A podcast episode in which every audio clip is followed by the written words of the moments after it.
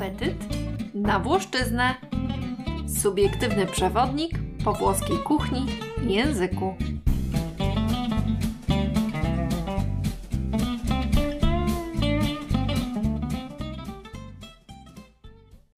Włoskie życie zawodowe i towarzyskie toczy się w rytmie odmierzanym porami posiłków. I choć w większości sytuacji społecznych nasze spóźnienie. Na, na koncert, wykład lub spotkanie biznesowe, zostanie potraktowane z przymrużeniem oka, to akurat przegapienie pory obiadu może skutkować długotrwałym burczeniem w brzuchu. Jak to możliwe w kraju, w którym wszystko wydaje się kręcić wokół jedzenia?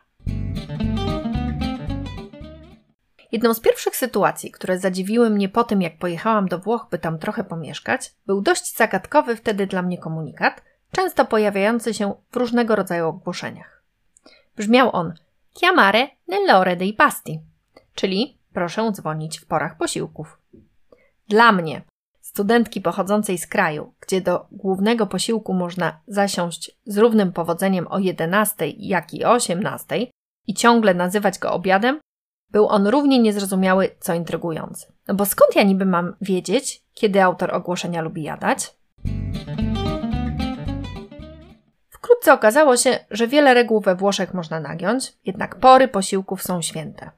Oczywiście mogą się one nieznacznie różnić między regionami lub poszczególnymi rodzinami, choć z moich obserwacji wynika, że w tym drugim przypadku różnice w ramach regionu raczej nie przekroczą kilkudziesięciu minut. Taka sytuacja ma swoje bardzo praktyczne konsekwencje, które mogą skomplikować życie zagranicznego turysty.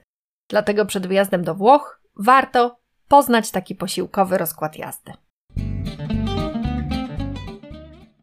I tak, dzień we Włoszech rozpoczyna się od kolacjone, czyli śniadania. I tu napotykamy prawdziwą językową zagwozdkę. No bo jak to jest możliwe, że nasze słowo kolacja przypomina włoskie śniadanie? Sytuacja robi się jeszcze dziwniejsza, jeśli zastanowimy się głębiej nad pierwotnym znaczeniem tego słowa. Etymologicznie kolacjone i kolacja nawiązują do wspólnego posiłku, w którego przygotowaniu każdy z ucztujących miał swój udział i któremu towarzyszy rozmowa. Nie zważając na to, My używamy go na określenie wieczornego posiłku, który w polskiej tradycji ustępuje miejsca śniadaniu i obiadowi, często jest skromny, jada się go wcześniej, a niektórzy bez żalu w ogóle z niego rezygnują.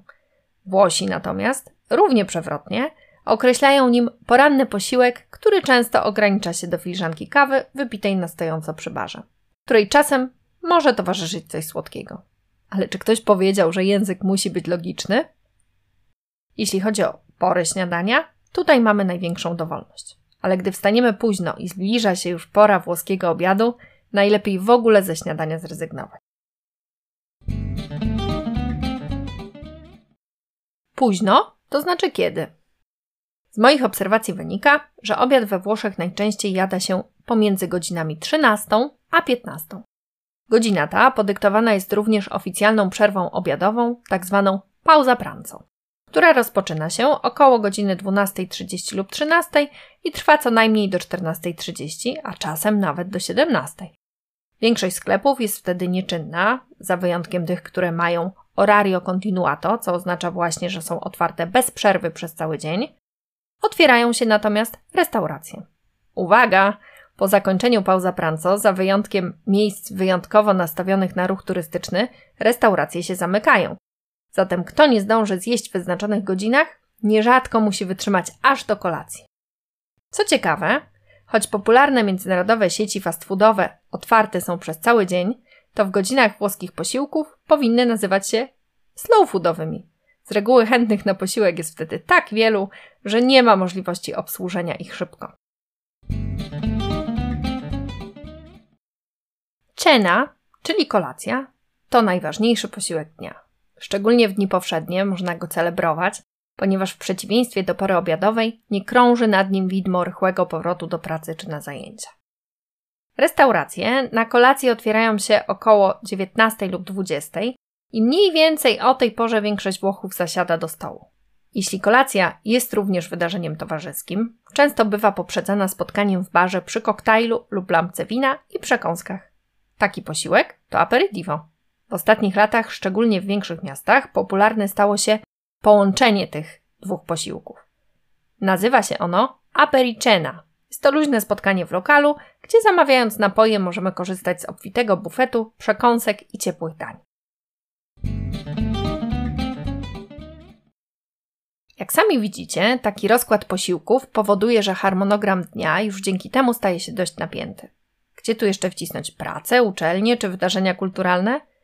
Studenci włoscy, których miałam okazję poznać podczas mojego Erasmusa, w czasie sesji mobilizowali się do nauki pomiędzy śniadaniem a obiadem oraz po pauza pranco, czyli między 17 a 20.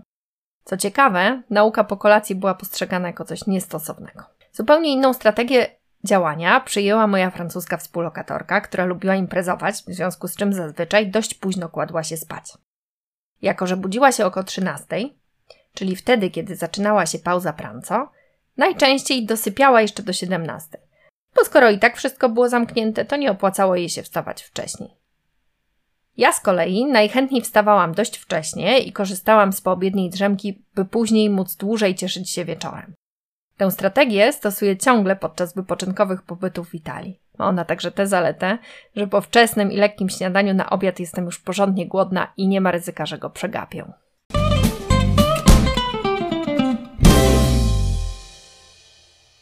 Dziękuję, że wysłuchaliście tego odcinka podcastu Apetyt na Włoszczyznę.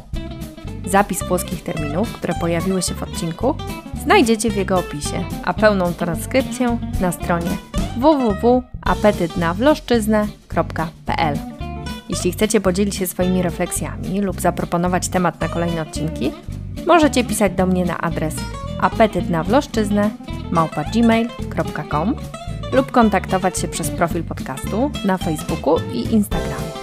Jeśli podcast Wam się spodobał, nie zapomnijcie dodać go do obserwowanych i podzielić się nim ze znajomymi, którzy również mają apetyt na włoszczyznę. Kolejny odcinek już za tydzień. Do usłyszenia, Karolina Iskierka.